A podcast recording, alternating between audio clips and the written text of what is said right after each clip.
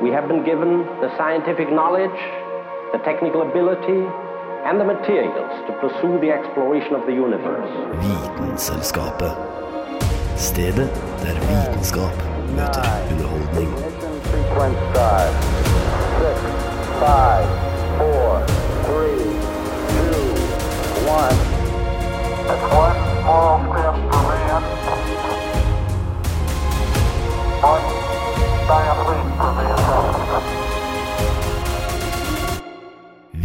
Vitenselskapet. På Radio Nova. Hei, og hjertelig velkommen til den siste sendinga Vitenselskapet har for det i 2022. I dag så skal vi få ut det gamle, sånn at vi kan gå inn i neste år klare til hva som helst innen vitenskapens verden. Og med meg i studio til å hive ut alle den gamle søppeltingene har jeg fått med meg Daniel Hei, det er meg, Bananiel. og Juliane. Hallo. Jeg heter Carl, du hører på Vitenselskapet, og nå gleder jeg meg til å komme i gang. Vitenselskapet. Vitenselskapet på Radio Nova.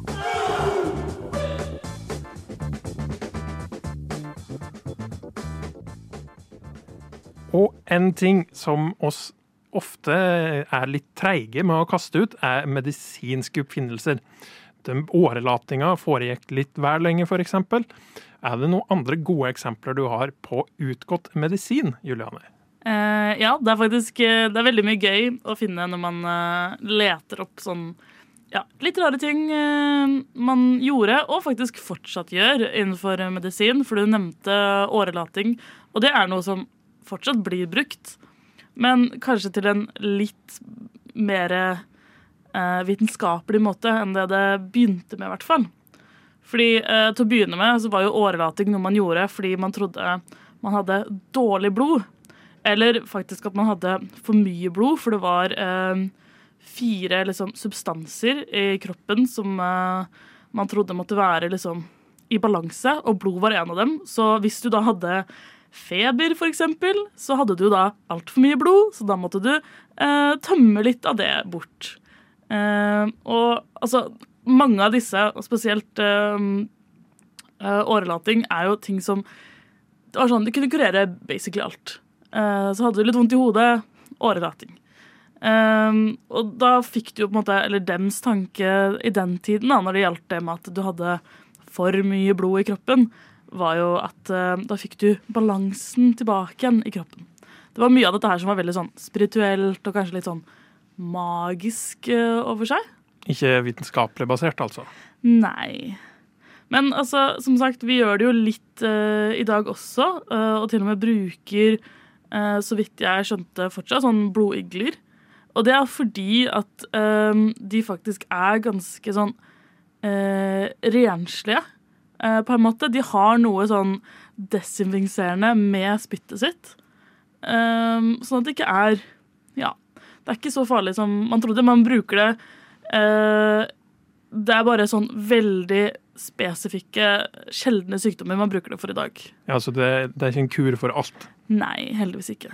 Jeg tenker da på, Hvis jeg skulle starte en egen arbeidsplass, så for å, og hvis noen skal melde seg syke, så skal jeg ha en bøtte. og skal jeg si, Du skal fylle så mye av den bøtta. Da skal du kanskje få lov til å gå hvis du fortsatt føler deg dårlig. Da får du Ja, sykemelding. da får du sykemelding. Ja. Det er fint at du ikke er lege, Daniel. Jeg hadde besvimt, jeg. Men er det noen andre ting Eller hvis du hadde vært lege, Daniel.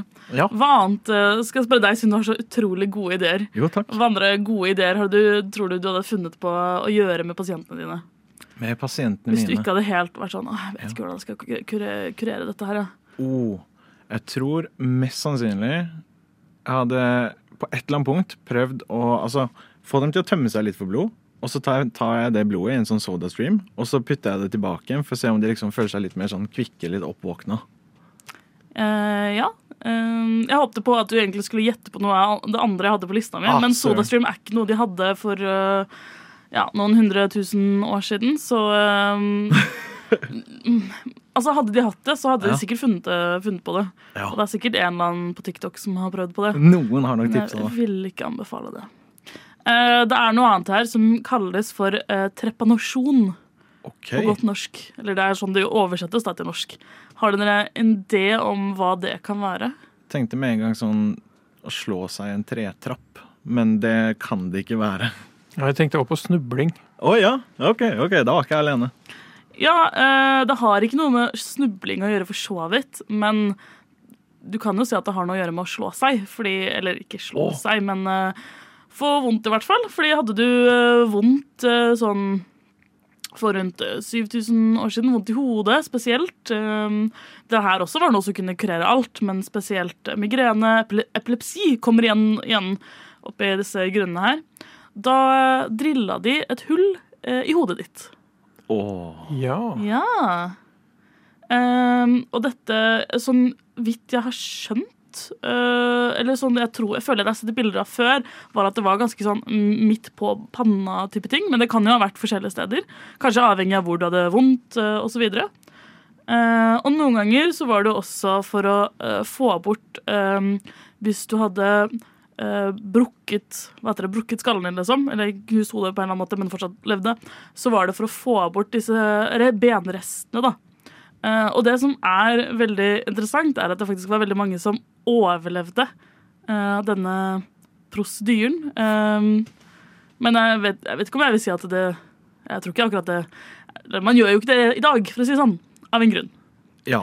Så uh, det var nok ikke noe som hjalp uh, det som skulle være galt med dem. Men uh, ja, I ytterst få tilfeller så er det kanskje for mye trykk i skallen, men det ble kanskje brukt, uh, brukt sånn generelt. Det her er en, det er løsning vi har. Ja, det ble nok holdt på å si overbrukt, men å bruke det i det hele tatt tror jeg er overbrukt. Fordi ja, man skjønner jo som sagt, det er ikke noe man gjør i dag, og det er litt sært å gå rundt med et bokstavelig talt eh, hull i huet. Ja, det første jeg tenkte var liksom på sånn ja, Når man sier at 'å ja, det der gikk inn ene øret og ut det andre', så var det mulig å lage en direktekanal.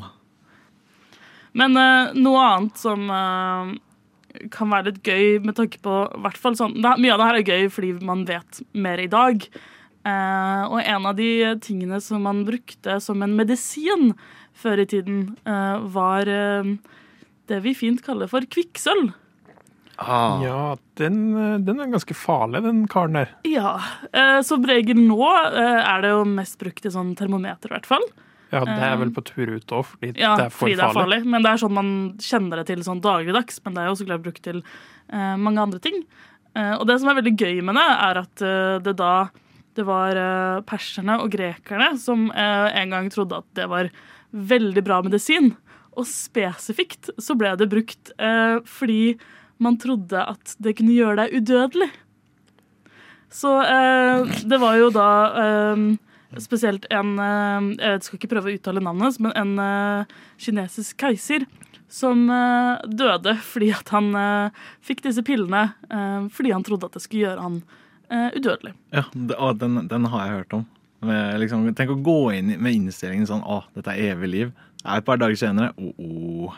Ja, altså, den her var igjen, det her var også noe som skulle bare ja, gjøre det Altså, du fikk lengre liv og um, generelt kurere alt spesifikt. Veldig mye sånn uh, eh, seksuelt overførbare sykdommer. Eh, syfilis var en veldig stor ting som man ble Holdt på å si Fikk eh, kvikksølv, da, som kur mot.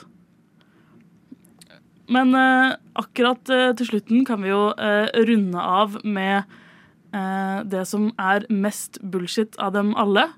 Bokstavelig talt eh, dyrebæsj. Oh. Som ble brukt eh, Igjen, det er litt morsomt fordi det ble brukt at man skulle sånn spise det eller ta det rundt seg osv. Men eh, det har faktisk vist seg at det har noen sånn antibiotiske stoffer i seg. Men så klart, du er mer, det er mer sannsynlig at du faktisk blir syk enn at du eh, håper å si blir frisk, eller friskere av det. For det er jo mye mer dårlige bakterier enn gode. Så jeg vil ikke anbefalt det. Så ikke anbefalt å plage katten min hjemme med å ta bæsjen hans. Spesielt ikke katter. vil jeg. Nei. De hadde ikke så mange gode ideer før i verden. Eh, Nei, ikke Tror- derfra i hvert fall. Tror lærdommen vi kan ta, er ikke stort på medisinsk teknikk som er fra mer enn 100 år siden, og ikke tro på at noe kan kurere alt. Tusen takk, Juliane.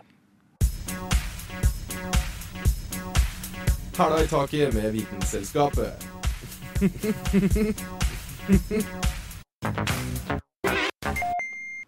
Da, folkens, er det en ting som skal ut av håret hele tida. Hva er det dere tror jeg mener da? Ut av håret. Eh, da er det vel som oftest mer hår, fordi det faller av hele tiden i dusjen. Ja, men under håret så har du nemlig hud som kan bli tørr, og der er det sånn her ekkel flass. Og det er jo hyggelig når det kommer flass ned fra himmelen nå vinterstid i form av skjogg, men flass er altså noe som man skal høre litt mer om nå.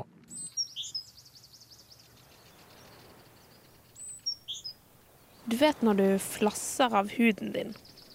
Du får jo aldri mindre hud på kroppen etter sommerferien. Så du får jo nye hudceller på overflaten etter at de gamle, døde, avflassede cellene dine er borte. Selv om denne flassingen kanskje er mest merkbar om sommeren, etter du har vært ute i solen, så skjer dette her hele tiden. Huden vår består nemlig av flere lag med celler. Den øverste delen, eller overflaten, da, består faktisk av døde celler. Men disse beskytter resten av huden under, mens det slites langsomt ned. I de dypere lagene ligger det såkalte stamceller, som er en type celle som kan gi opphav til nye typer av celler, avhengig av hva kroppen trenger. For når en stamcelle deler seg i to, så blir den ene til en stamcelle igjen, mens den andre kan over tid utvikle seg til hvilken som helst annen celle. En stamcelle kan derfor i teorien fornye hele kroppen vår med nye celler når det trengs. Men i huden så fornyes disse cellene hele tiden. Cellene i de dypere lagene vandrer opp mot overflaten. Og i løpet av 14 til 50 dager har du faktisk fått et flunkende nytt skinn. Det er flere vev og organer i kroppen vår som hele tiden fornyes. Et annet organ som hele tiden utsettes for slitasje, er tarmen vår. Det samme konseptet for fornyelse skjer også her. I de dypere lagene av tarmen ligger det stamceller, som hele tiden deler seg. De nydannede cellene beveger seg som et sammenhengende lag opp mot overflaten. Fornyelsen av tarmen din skjer faktisk fortere enn huden. I løpet av ca. en uke så er innsiden av tarmen din helt ny. Men hvis ting i kroppen blir fornyet av seg selv, hvorfor blir vi da gammel?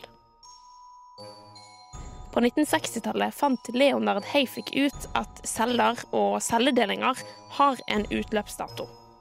Han sådde ut noen celler i kultur og observerte hvor mange ganger de klarte å dele seg, som var rundt 40-60 ganger. Senere så beskrev James Watson, altså han som var med på å finne ut hvordan DNA-strukturen var, at celler har et grunnleggende problem ved celledeling. Og det er at for hver deling så vil et lite stykke DNA på enden av kromosomet blir kuttet av. Grunnen for at endene blir kuttet for hver deling, er at hele dette maskineriet som står for celledelingen, trenger en liten bit å ta tak i når kopieringen skal starte. Altså, for hver celledeling mister du en liten bit av ditt eget DNA.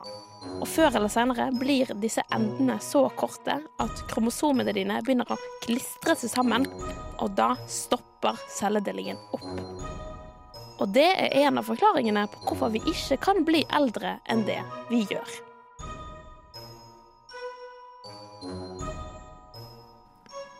Og hun som laget denne saken, heter Anna Vig Rødseth. Å vite vet Vitenselskapet.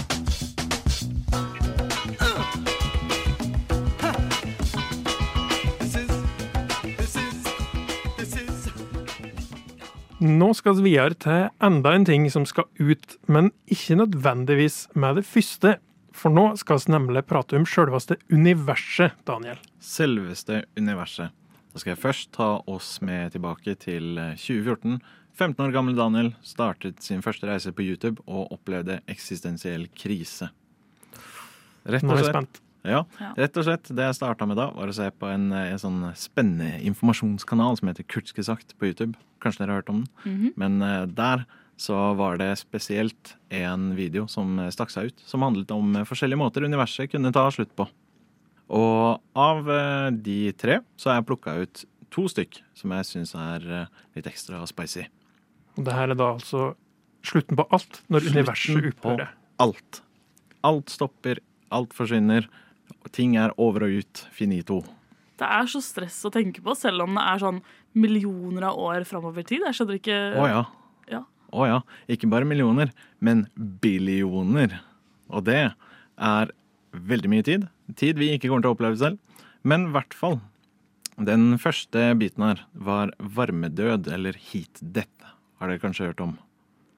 Ja, men eh, du får gjerne forklare mer, fordi jeg husker ikke hva det var ut fra navnet. Ah, mer enn gjerne, ellers hadde ikke jeg vært her i dag.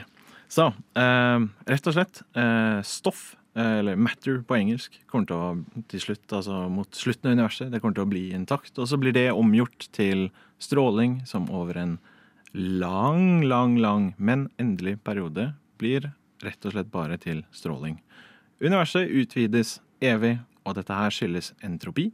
Eh, Det er fancy fysikkbegrep, men eh, det kan enkelt forklares med at du har en varm kaffekopp. Du har den i, i rommet ditt.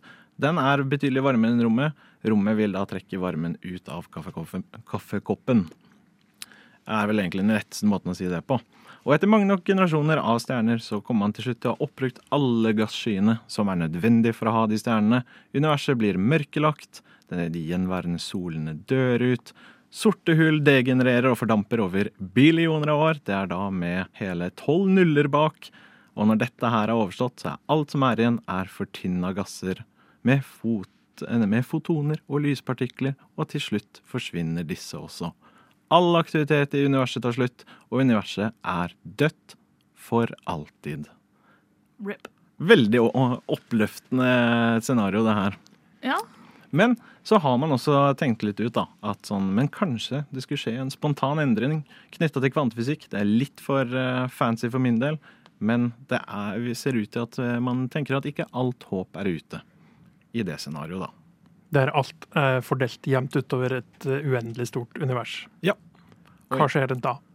Da vil det egentlig skje at ingenting foregår lenger. Altså, når alt, for, altså, når alt er fordelt utover det uendelige univers, så slutter jo ting å eksistere. Altså, hvis du deler noe opp mange nok ganger, så kan du like så te- tenke at dette her finnes ikke. Men hvor er håpet, Daniel? Håpet er da nummer to, som man da tenker eh, eller Som man kaller the big crunch, eller det store knas, som jeg liker å kalle det. da.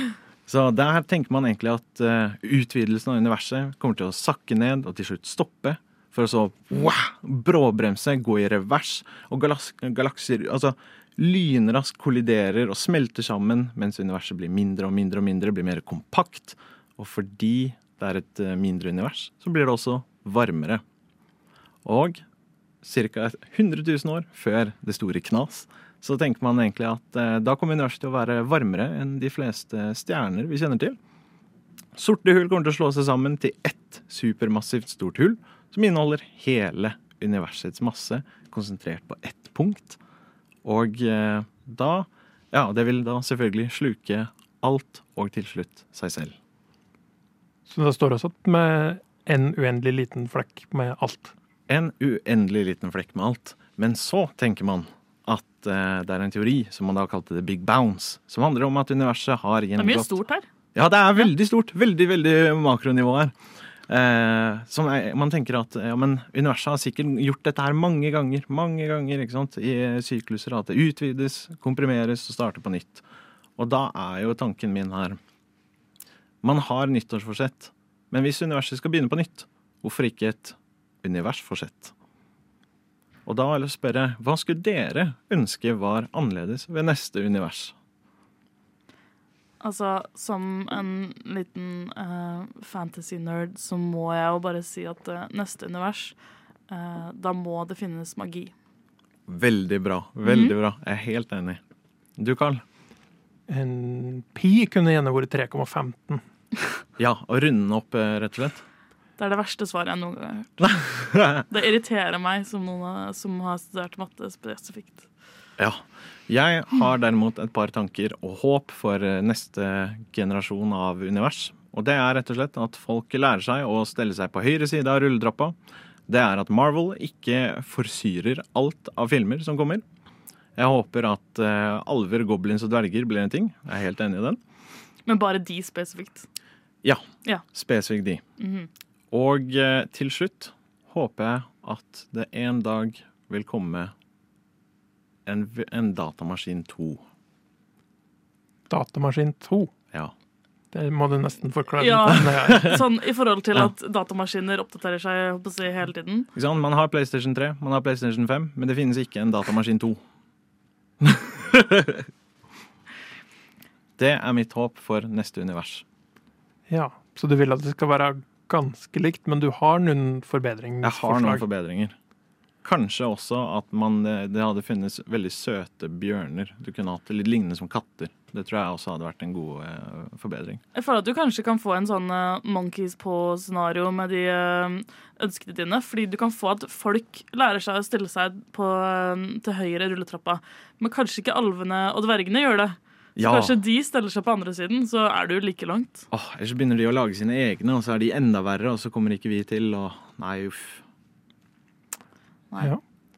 Det, det er mye som kan endre seg hvis det viser seg at eh, The Big Crunch er riktig teori om hvordan universet fungerer, og det er dit vi skal etter det er slutt. Tusen takk til det, Daniel. Takk.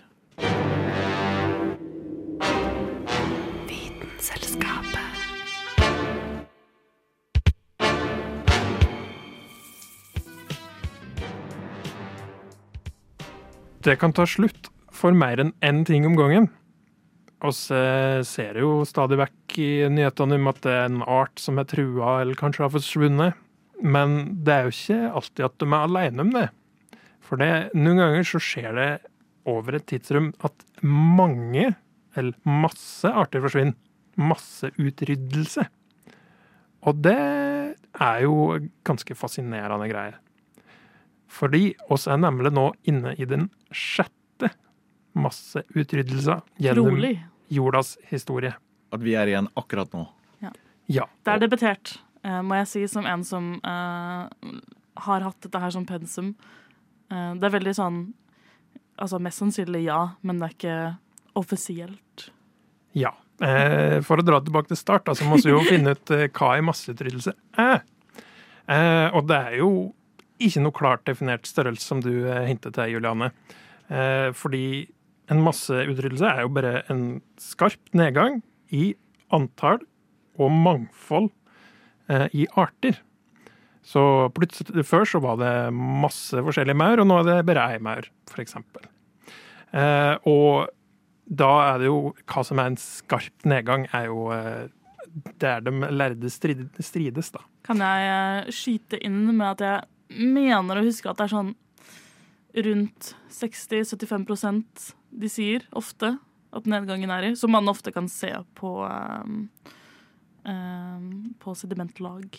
Ja. Spennende. Ut ifra hvilke fossiler du kan Ja. finne. Men sånn som i dag er det jo litt annerledes. I dag er det jo litt annerledes. Men ja, så ut ifra definisjonen din så kan du si at det har vært fem de siste 540 millioner årene, eller så kan du si at det har vært 20. Det er litt hvor eh, terskelen din er, da, tålepunktet ditt for at det forsvinner en masse arter. Men så kan du ta det fra starten. da. Eh, Den første, som vi vet da, det er den eh, ordoviansk-silurske overgangen. Og da forsvant 85% av artene på jorda, så vidt vi kan anslå. Det Ble det ensomt? da blir det jo eh, veldig lite mangfold, i hvert fall. Så de, de artene som klarte seg, var kanskje ikke ensomme, men hvis du var vant til å se både kråker og fisk, så plutselig så var det, var det bare rotter igjen. Jeg tror nesten jeg vil si at ikke mange nok for det, i og med at vi har mygg og veps i dag, altså. Ja, det Universet tar vel imot tilbakemelding med takk. Men eh, grunnen til de her da, antas å være global oppvarming, som jeg kanskje skal høre mer om senere. Eh, og da av vulkansk aktivitet. Fordi vulkaner de er jo kanalen til jordas indre. Eh, og de kan spy ut fryktelig mye drivhusgasser, særlig CO2, da. Eh, som da varma opp de skapningene som fantes på jorda, de var jo ikke vant til at det skulle være sånn temperatur. Og så klarte ikke alle å tilpasse seg. men de som tilpassa seg, de overlevde og fulgte arten videre. Så kan vi hoppe videre til den andre masseutrydninga, som var den sendronske. Eh, Da forsvant 70 av artene, så ikke fullt så mange, da, men fortsatt eh, den aller eh, brorparten. Brorparten forsvant, kan man si. Men det som er med disse masseutryddelsene, den foregår, foregår jo over ei tid. Eh, Og den her foregikk over ca. 20 millioner år, den utryddelseshendinga her. Det som kalles geologisk eh, korttid. Ja, veldig stutt i eh, jorda som målestokk. Ja, ja. Bruker veldig sånn, du må alltid ta det relativt til geologisk tid, fordi ja, det er ikke mye, men for oss er det jo dritmye. Skal vi gå videre til neste masseutryddelse, som var Ja! permtrias-utryddelsen. Yes, den uh, har vi studert mye om. Ja. Der uh, var det masse karbondioksid som kom ut i atmosfæra. Som regel det. Igjen fra vår gode venn vulkanen. Eh, Etter perm-trias-masseutrydninga så kom dinosaurer og pattedyr til.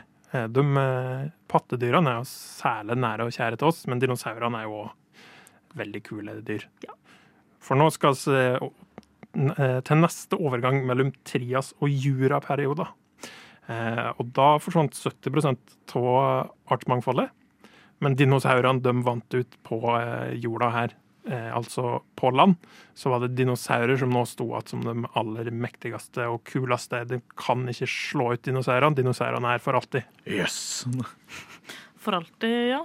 Fram til neste masseutryddelse, som var eh, kritt, eh, pal, eh, kritt paleogenutryddelse. Og den kjenner oss vel alle til.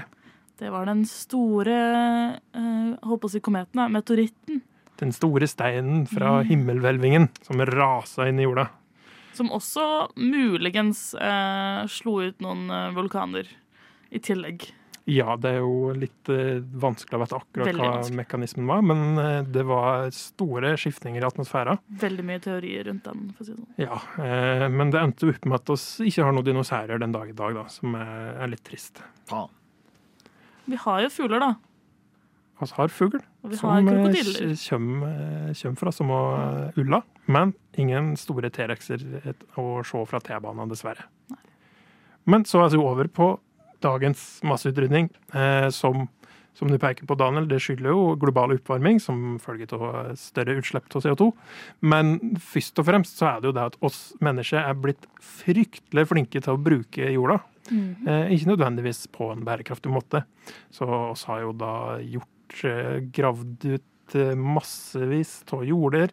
Oss har høgd ned regnskog.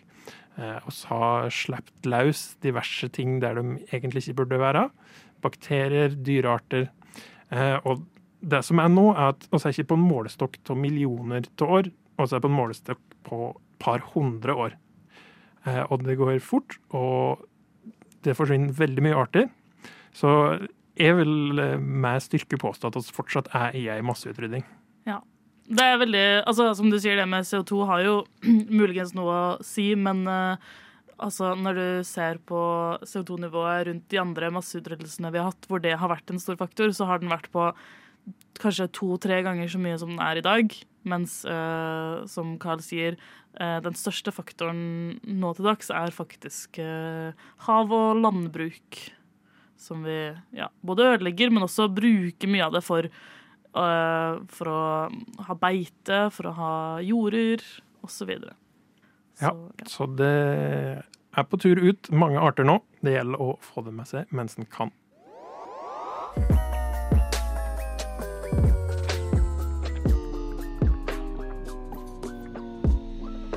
Vitenselskapet. Det var alt som oss fikk ut denne sendingen. Tusen takk til dere som hørte på, og tusen takk til Juliane Lifjell Takk for meg. og Daniel Resta, Takk selv. som var med meg i studio.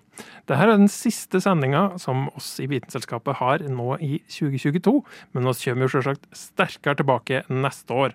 Og i mellomtida så finner du jo oss som podkast i din favoritt-podcatcher, så du kan høre på oss hele jula lang.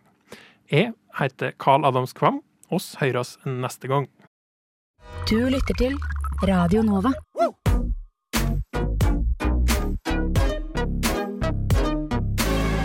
Radio Nova. Studentradioen i Oslo. Radio Nova. Ja. ja. Hva? Nova? Ja.